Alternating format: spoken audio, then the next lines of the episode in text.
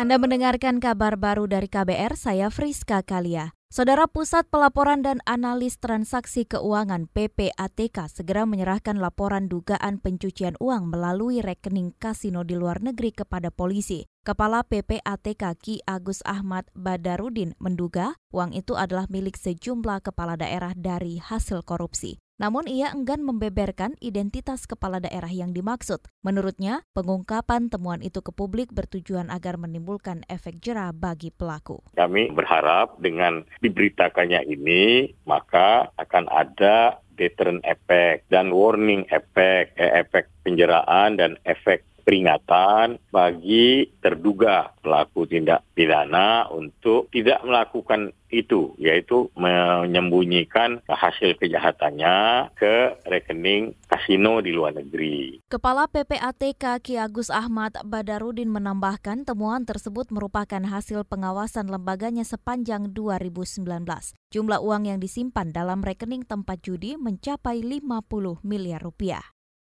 Beralih ke informasi lain, Wakil Presiden Maruf Amin menyatakan pemerintah telah bersiaga mengantisipasi bencana di musim hujan. Kata dia, Badan Penanggulangan Bencana Nasional BNPB sudah diperintahkan untuk berkoordinasi dengan daerah. Maruf mengimbau masyarakat berperan aktif dalam mencegah bencana, misalnya dengan menjaga kebersihan. Perilaku buang sampah sembarangan bisa memicu banjir maupun penyebaran penyakit seperti diare atau demam berdarah. Ya, saya kira sekarang pemerintah, pusat, daerah sedang mempersiapkan diri untuk menghadapi musim hujan di berbagai daerah provinsi semua juga sudah menyiapkan diri apa banjir atau longsor biasa bahaya musim hujan. Itu tadi Wakil Presiden Ma'ruf Amin. Sementara itu Ketua Umum Palang Merah Indonesia Yusuf Kala telah menyiagakan personil untuk memberikan pertolongan saat terjadi bencana. Kata dia relawan PMI di tiap daerah sudah dilatih dan dibekali peralatan jika sewaktu-waktu diterjunkan.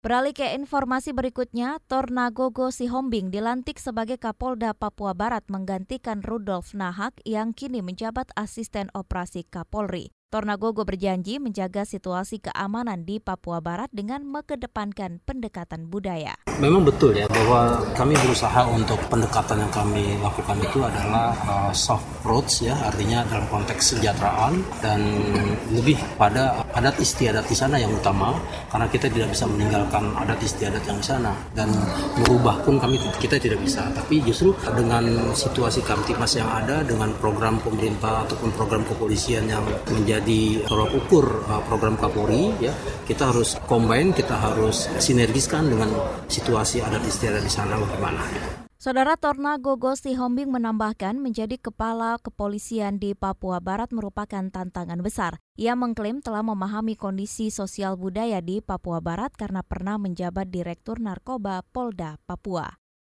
Kita menuju ke Jawa Tengah. Bupati Banyumas, Jawa Tengah Ahmad Hussein meminta pengusaha turut memperhatikan keselamatan kerja para petani gula kelapa atau penderas. Salah satunya dengan menyediakan sabuk pengaman atau safety belt. Ahmad mengklaim Pemkap rutin menganggarkan dana untuk sabuk pengaman itu, namun anggaran tersebut tak cukup sehingga membutuhkan bantuan dari swasta. Pasalnya harga sabuk pengaman cukup mahal yakni sekitar Rp700.000 per satuannya. Oleh sebab itu kan pelurunya besar. Pemerintah daerah untuk menghandle semuanya ya terlalu berat karena kita juga masih membutuhkan biaya untuk pembangunan-pembangunan yang lain.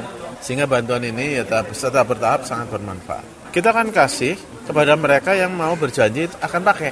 Kalau tidak pakai, ya udah nggak usah gitu. Ngapain dikasih mahal-mahal lah dipakai. Dan itu kan demi mereka sendiri, demi nyawa mereka dalam bekerja aman. Bupati Banyumas Ahmad Hussein menuturkan angka kecelakaan kerja penderes tergolong sangat tinggi. Dalam satu tahun terakhir terjadi sekitar 160 kecelakaan. Sebanyak 40 orang di antaranya meninggal dunia. Ahmad mengklaim Pemkap juga menganggarkan asuransi kecelakaan kerja bagi para penderes.